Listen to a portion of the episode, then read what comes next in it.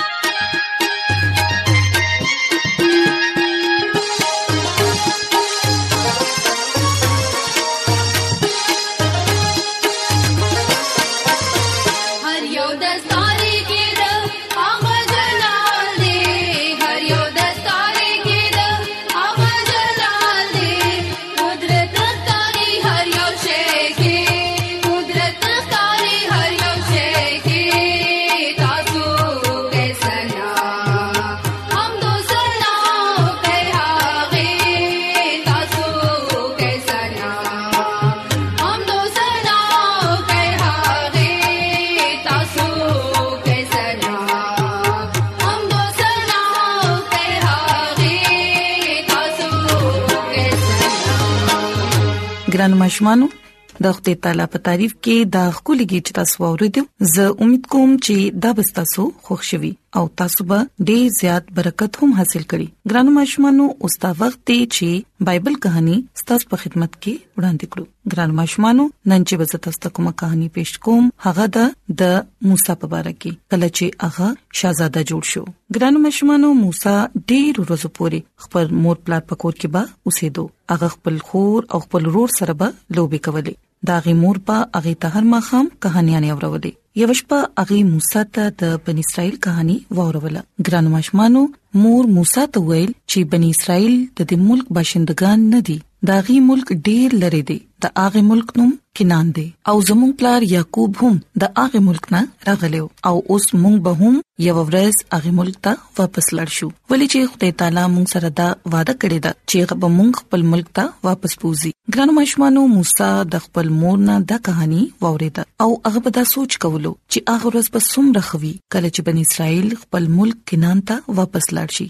او د دې بچا د ظلم نه نجات حاصل کړي نو ګرانو مشمانو ورځي تیرې دي او اوس هغه وخت راغی کله چې موسی ته د خپل رور او د خپل خور نه جدا کېدلو هغه اوس زلمی شوی و داغي مور هغه شاهزادګۍ لا واپس وروستو او ګران ماشومانو په بایبل مقدس کې د لیکل دي چې اوس موسی په یو لوی محل کې اوسېدل شروع کړ هغه تبا ارورز خنخ خوراک او خنخ جامه ملاوي ده خو موسی ته دا معلومه و چې داغي اصلي مور کومه یو ده هغه ته دا معلومه و چې داغه اصلي مور یو غریبه خزه ده کوم چې په یو معمولی شان کور کې اوسېږي او خخ کلی کہانیاں هغه ته اوري ګران ماشومانو دلته کې موږ ګورو چې موسی زلمی شو نو چې کله به هغه بهر د کوسونه یا د لارو نه تیرېدو نو خلکو به هغه ته پټیټ سر باندې سلام کولو او هغه به یو بل تداویل چې وګوره دا د شاهزادګۍ زوی دی خو ګرانو ماشومانو په بایبل مقدس کې دا لیکل دي چې موسی چې بکله د خلکو خبرې اورېدې نو پزړه کې به یې دا ویل چې نه نه زه د دې شاهزادګۍ زوی هیڅ چره نشم کېدی زما مور خو هغه غریبه خزده کوم چې په یو معمولی شان کور کې اوسېږي او زه د بنی اسرائیل د هغه غریبي خزې زوی يم او ګران ماشومانو کله چې به موسی خپل محل تراتلو او چې هغه به خپل خپل سيزونه لیدل نو هغه به داغوي اس پروانه ساتله د خپل سيزونو سره کتو ته هغه به همدا سوچ کو چې زه مصری نه يم دا ملک او دا سيزونه زمانه شي کېده او ګرانو ماشومانو موسی بن اسرائیل او د هغه خوده چری هم هیر نکړو ګرانو ماشومانو دلته کې موږ ګورو چې یو ورځ په ګرځېدو ګرځېدو هغه هغه ځای ته رسیدو چرته چې هغه پیدا شوو دلته کې واړه واړه کورونه په دې کورونو کې اوسېدو ولا غریب خلک بن اسرائیلیانو چا چې په ټوله ورځ سخت کار کولو او بچا د پاره به یې خختې تیارولې او چا چې به مهنت نه کولو نو هغه به یې په کروڑو باندې وهل ګران ماشومانو دلته کې مونږ ګورو موسی چې کله هغه په وهل خړلو باندې ولیدل نو سوچ کولو چې خوده د خپل د کام مدد ولې نه کوي او دوی واپس ملک کنان ته ولې نه بوزي هم په دغه وخت باندې هغه یو اسرایلی بچو باندې وریدو یو مصری پاغه باندې ډېر زیاتې کروڑې وهلې او هغه د دړ په وجه باندې چغې والي دا کتو سره موسی ډېر زیات غوسه شو او هغه ویل چې کوچر خوده د دې خلکو مدد نه کوي نو نن به زه د دې مدد کوم ګران ماشمانو په بایبل مقدس کې د لیکل دي چې موسی چې کله اخو د خو نظر وکړو او سو کې خپل ځان سره نږدې اونې لیدل نو هغه په غي مصری باندې حمله وکړه او هغه دومره زیاتوالو چې هغه مړ شو په دغه وخت کې موسی یو کندو کنستله او هغه مصری یې پاغي شګه کې پټ کړلو ګران مشمانو د موسی دا خیالو چې هغه مصری په قتل کولو باندې هغه هیڅ نه دی لیدلې په دویم ورځ چې هغه سیل د پاره وروته نو هغه بیا یو اسرایلی بچو باندې ووریدو هغه دا سوچ وکړلو چې کې دې شي چې نن بیا څوک مصری هغه په کروڑو باندې لګیا دی وهي خو چې غوی لاړو نو هغه دوه اسرایلیان په جګړه باندې ولیدل ګران ماشومان موسی دا سوچ وکړلو چې دا اسرایلیان خو ورونه دي د ته په خپلو کې جګړه نه دی کول پکار هغه باغی کې یو کس ته ویل چې تاسو په خپلو کې ولی جګړه کوي تاسو خورونه یې ګران ماشومان په بایبل مقدس کې دالي کلی دي چې اسرایلی موسی ته ډیر په غوسه وکتل او وی ویل تاسو کې آیات ما هم دغه شان قتلول غواړي څنګه چې تا پرون هغه مصری قتل کړو ګرانو مشمانو دا اوریدو سره د موسی رنگ بدل شو هغه خدا غنل چې زه چا په قتل باندې نه يم لیدلې خدای اسرایلی ارس لیدلی موسی دا سوچ وکړو کچري دا خبر د بادشاہ غوګونو پورې ورسېدو نو دا هغه انجام به ډیر بدوي ګرانو مشمانو په بایبل مقدس کې د لیکل دي چې موسی د خپل انجام نه ویریدو او د هغه زینا او تختیدو اوس هغه په محل کې اوسېدو ولا شاهزاده نو هغه یو غریبو چا چې د خپل کام مدد کولو کوشش وکړو خو وی نکړې شو او اوس هغه خاموشه سره د هغه وخت انتظار کولو کله چې هغه د بنی اسرایلیانو مدد لا تلی شي ګرانو ماشومانو زه امید کوم چې نن بایبل کہانی بستا سو خوښ شي او تاسو به د دینه برکت حاصلوي او زموږ د دعا د چې خدای تعالی دې تاسو سره وي او تاسو لدی خدای تعالی عقل او دانای درکړي چې تاسو په دې باندې پوهه حاصل کړئ نو ګرانو ماشومانو راځي چې اوس د خدای تعالی په تعریف کې یو بل کلیګي وو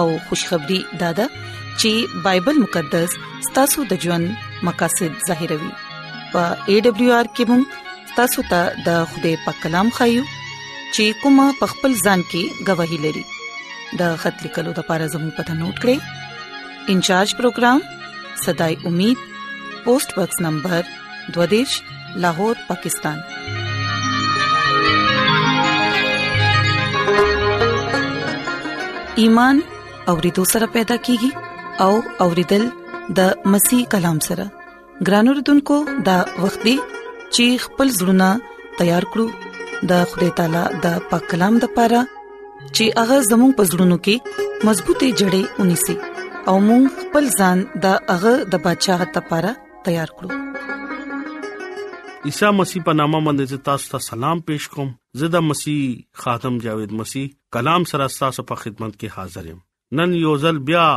تاسو په مخ کې ز کلام پیش کولی شم ګران اوردونکو خپل روحاني ترقې د پاره مونږه بنن کلام اورو ګران اوردونکو نن چې مونږه چې سې عزتکو هغه د خوده روز سبت نن د سبت روز دی او د سبت روز کې مونږه کوشش کوو چې زمونږه سبت په تعلق سره بایبل مقدس نه عزتکو نن د بایبل مقدس نه چې کم خبره مونږه از دکو هغه د سبت ورځ او خوده ورځ بشکا ټول ورځ د خوده جوړ کړی دي او چې څه هم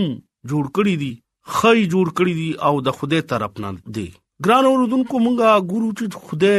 تعالی یو ورځ ته خاص برکت ورکړو نور ورځ کې بیل فوقیت ورکړی را او هغه دا غواړي چې مونږه خدای سره څنګه وفادار شو خپل مینی ثبوت د دې خبرې نه هغه ورکوي چې ته زمونږه په حکمونو کې فرمانبرداري وکې او مونږه د خوده کلام خپل زړه کې کېږو او پاغه باندې عمل وکړو ګران اوردونکو چې کم خلک د خوده کلام ک ثبت روز پاک منی او سبت ورځ باندې د خوده ورځ منی خوده تعالی اغیلا برکت ورکول وعده کوي خدای تعالی اغي سره دا وعده کوي چې زه تاسو ته برکت باندې برکت به ورکوم او زه به تاسو سرفراز کوم او اقبال منده هم ورکوم عیسی کتاب اته 50 باب الته چې کله مونږه ګورو نو سبت روز باندې تاسو خپل خپې ودروي او مقدس روز خپل خوشاله طالب اونشه سبت روز تراحت او د خوده مقدس روز دی اغه روز کې تاسو تعظیم وکې او خپل خوشاله بفایده خبرونه دسبردار شه زبتا دنیا اوچته تا بودی بوزم زستا پلار د یعقوب میراث نایم ولې چې دا ارس خدای تعالی خپل دا خلینا ارشاد وکړو د خدای کلام ویلو باندې باسي برکت شي ګران اوردونکو دا خبره زتا ستویم چې خدای خپل خلکو سره دا وعده کوي چې تاسو د سبت ورځ خپل خپې ودروي ولی چې دا زما مقدس ورځ دی مقدس ورځ تاسو اومنه او دا ورځ زما تعظیم وکړه عبادت وکړه زما په حکمونو باندې عمل وکړه تاسو دې ورځ باندې کاروبار مکوئ خپل خوشاله او بے فایده خبرونو نه دستبردار شي لکه دروغ مو وای ابجوی مکوي هغه وی تاسو زما کې مسرت شي لکه زما کور ته لاړ شي او زما عبادت وکي زما کلام وای زما د کلام تاسو تفسیر وکي او چې کله تاسو ټول دغه خبرې کوئ نو زب تاسو اوچته تبي بوزم او زب تاسو لا ډیر زیات برکت ورکوم خدای تعالی موږ سره دغه وعده کوي دا روز تاسو پاک منه او سبت روز دې هغه دنیا د پره د آرام روز هم ده دې روز کې خدای خپل روزمارا سرګرمیان بند کړي او هغه دا وی چې تاسو روحاني او جسماني تازګۍ لپاره بازان وخت کې او چې کم خلک داسې نه کوي هغه خپل روحاني خوشاله نشنما او جسمانی تور باندې هغه مضبوط نه او چې کم خلک سبت ورځ باندې کارونه مارونه نه کوي نو خدای هغه لړیر زیات برکت ورکړي ولی چې دا دا خدای ورځ ده خدای مونږ نه چې څغواړي مونږ ته پکار دي چې مونږه اک شانتیو پدایش دویم باب کې ډیر واضح تور باندې دا لیکل شوی دی چې خدای تعالی و مرز له برکت ورکړو او مقدس یې وې ګران اوردونکو دې ورځ باندې خدای هم آرام وکړو دا یو یادګارې او خاص ورځ ده خدای مونږه د پاره ارس جوړ کړی دی هغه دا روز تخلیق او یادګارې د پاره پدی بایبل کې دا خبره محفوظ شوې ده سبت ورځ د آرام ورځ ده او د عبادت ورځ ده خدای مونږ ته هم دقه وای چې تاسو روحاني جسمانی ذهني او جذباتي صحت د لپاره تاسو ته برکت ورکوم او مونږ لا هغه برکت راکو خدای تعالی سبت یو خاص برکت په تور باندې مونږ لا خدای راکو خدای ادم او حوا ته هم دا ورځ ورکړو خروج شلم باب دغه اتم آیت نا یو لسم آیت پورې او عیسایا دوکم شپېته باپ کله چې مونږه دا حواله ګورو نو مونږه تازه دم شو ولی چې مونږه یو ثبوت ملاو شي چې سبت ورځ چې دی هغه د هفته ورځ ده او مونږه تازه دم شو او دغه عبادت لپاره یو ترتیب ورکو چې کله موږ د دې خبره باندې غور او خوش کو چې خوده د دې کائنات ولې خلق کو او مونږه ولې جوړ کړو ګران اوردونکو مونږه دا موقع ورکړه چې مونږه د خپل د خوده سره زیات نه زیات ټیم تیر کو او بیا مونږه سبت پروز باندې پاک هم جوړ شو او مونږه ته خوده ټایم راکې نو مونږه خوده سره زیات نه زیات رفاقت او شراکت هم کیږو او موږ خپل کلیسیا سره هم ټیم تیرول ولا خلق جوړ شو او موږ اجتماعي تور باندې کلیسیا سره هم د خدای عبادت وکړو او د خدای مینا کې موږ ډیر مخ کې شو سبت زمونږه د پاره یو ډیر لوی برکت دی او د خدای طرف نه یو تحفه ده چې مونږه ته خدای راکړې ده سبت ورځ باندې د انسان بلای کول پکار دی سبت ورځ باندې نیکی کول پکار دی مرکز انجیل دویم باب کې عیسی المسی مونږ ته دا وایي چې سبت ورځ باندې نیکی کول روا دی ابار شپږشتم باب کې هم دا لیکل راغلي دي او مونږ ته خدای دا خبره خای چې مونږه هغه سره وفادار پاتې شو او د بت پرسته نه ځان بچ کو سبت ورځ خاص طور آرام کولو لپاره مونږه جوړ کړی دی ګران اوردونکو په هر زمانه کې خدای ثبت منولو لپاره د خدای خلق وو او د خدای ورځ باغی مناول مس ایلن جی وایټ په کتاب کې دا خبره وای چې و مرز آرام کول او د خدای مقدس ورځ او انسان د لپاره دا مقرر کړی دی خالق نمونه په مطابق انسان ته دا مقدس ورځ ورکړی دی چې هغه اسمان او زمکه باندې نظر وکي او د خوده کارونو باندې غور او خوش وکي چې خدای ډیر لوی مونږ سره دانش مندي او د بلای شهادتونه مونږ له خدای راکړو مونږ ګورو چې خپل ځړک کې خپل د خالق مینا او تعظیم نه مونږ ډک شو ګران اوردونکو کم خلک دا سوچ کوي او ډیر خلک دا وایي چې مو مرز اتوار دی نو هغه غلط وای و مورز خالی ورځ دی دا د اسرایلیانو د يهوديانو ورځ نه دی دا د خدای ورځ دی ډیر خلک دا سوچ کوي چې دا د يهوديانو ورځ دی دا د فقيانو ورځ دی نه خدای پدایش کتاب کې اولنې دویم باب کې دا وایي چې ما ټول کارونه وکړو او و مرز لا خاص برکت ورکو ګرانو رودونکو دا خبره یاد ساته چې خوده هفته پروز لکه خالی پروز خوده رسته برکت ورکو او هغه بار بار دا وی یاد لره چې سبت روز پاک ومنه خروج شلم باب او دغه اتم آیت چې کله موسی هغه غر ته ولګو نو دا پکې یو خاص حکم پکې تحریر کړو ګران اوردونکو بایبل مقدس کې دا بیان ډیر واضح باندې راغلی دی چې تاسو وو مرز لکه هفته لکه خالی ورس پاکو منه د خدای کلام دا خبره کوي چې و مرز د خدای سبت ورځ ده او سبت د خدای ورځ ده او دا خدای مونږه یاد لري چې دا پاک ومنه او دې خبره ته مونږه تسلیم کول پکار دي چې خدای زمونږه خالق دی او زمونږه حقيقي خدای دی هغه چې کم مونږه ته کلام په ذریعہ باندې خبره ویلې ده مونږه ته پکار دي چې مونږه هغه ورځ سبت ورځ پاک منو او دغه حکم ومنو او چې کله موږ دغه حکم ومنو نو موږ به ډیر زیات خدای برکت برکې ګران اوردونکو څنګه چې موږ مخکې سبت ورځ خدای تعالی جوړ کړی دی او سنس په دنیا کې چې جوړ شوی دی هغه ټول خدای جوړ کړی دی خدای مونږ سره مینا کوي خدای مونږه د دې لپاره جوړ کړي یو چې مونږه دغه سوکو مونږه دغه تعظیم وکړو مونږه دغه پرستش وکړو او مونږه دغه په مخ کې عبادت وکړو خدای دا ترتیب خدای دی چې کله مونږه دا خبره باندې سوچ کو چې زمونږه پوخ ایمان پاغه باندې دی چې چا د دې دنیا خالق او مالک دی راځي مونږه د خدای حکم ومنو او د خدای پورا پورا پیروي وکړو او نن دا کلام هم زما او تاسو د پاره دی خدای مونږه ته داوي چې زه تاسو سره وعده کوم چې کم خلک زما ورځ کې زما تعظیم او زما پرستش او زما کلام وای لکه سبت ورځ باندې زه هغه لډیر زیات برکت ورکوم خدای مونږه ار ټایم شکر کول پکار دی دغه حضور ته تلل پکار دی هغه سره خبرې کول پکار دی هغه وای چې تاسو دې سبت پر ورځ باندې ما سره چا رفاقت او شراکت کو زبا غره ډېر برکت باور کوم ګران اوردونکو دا خبره تاسو تسلیم کړئ چې کله تاسو صحیح کلام باندې غور وکړو نو تاسو ته به خدای ډېر لوی برکت باور کوي ډېر خلک د اتوار پر سبت ورځ مناوي دا غلط خبره ده بیا تاسو ګوره چې کله تاسو صحیح د خدای حکمونو او د خدای کلام باندې بچلېږئ نو خدای تاسو ته ډېر برکت ورکړي نن کلام په وسیله باندې خدای تاسو ته او ماته برکت راکړي امين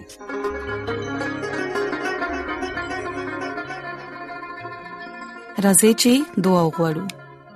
اے زمونږ خدای مونږ ستاسو شکر گزار یو چې ستاسو د بندا په وجبان دي ستاسو په کلام غوړې دو مونږ لا توفيق راکړي چې مونږ دا کلام په خپل زړونو کې وساتو او وفادار سره ستاسو حکمونه ومنو او خپل ځان ستاسو د بدشاهت لپاره تیار کړو زه د خپل ټولو ګران وردونکو لپاره دعا کوم کو چر پاغوي کې سګ بيمار وي پریشان وي